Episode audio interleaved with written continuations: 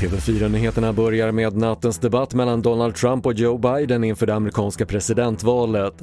Inledningen präglades av käbbel i en något lugnare ton än tidigare dueller men så mycket nytt kom inte fram för väljare som ville veta om kandidaternas planer för framtiden. En tredje person har anhållits misstänkt för mordförsök i Uppsala efter att två män hittats skadade utomhus igår, skriver UNT. De två skadade som är i 20-årsåldern anhölls tidigare också misstänkta för mordförsök och enligt polisen ska de ha bråkat med varandra. Lärare på Nytorpsskolan i Göteborg tvingas nu bära larm efter att de hotats och attackerats av elever, rapporterar GP. Det ska handla om flera incidenter där lärare bland annat blivit slagna med en cykelkedja och spottade på.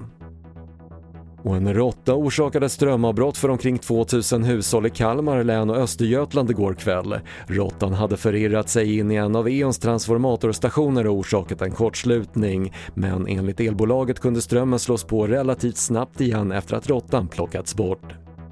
Det var det senaste från TV4 Nyheterna. Jag heter Patrik Lindström.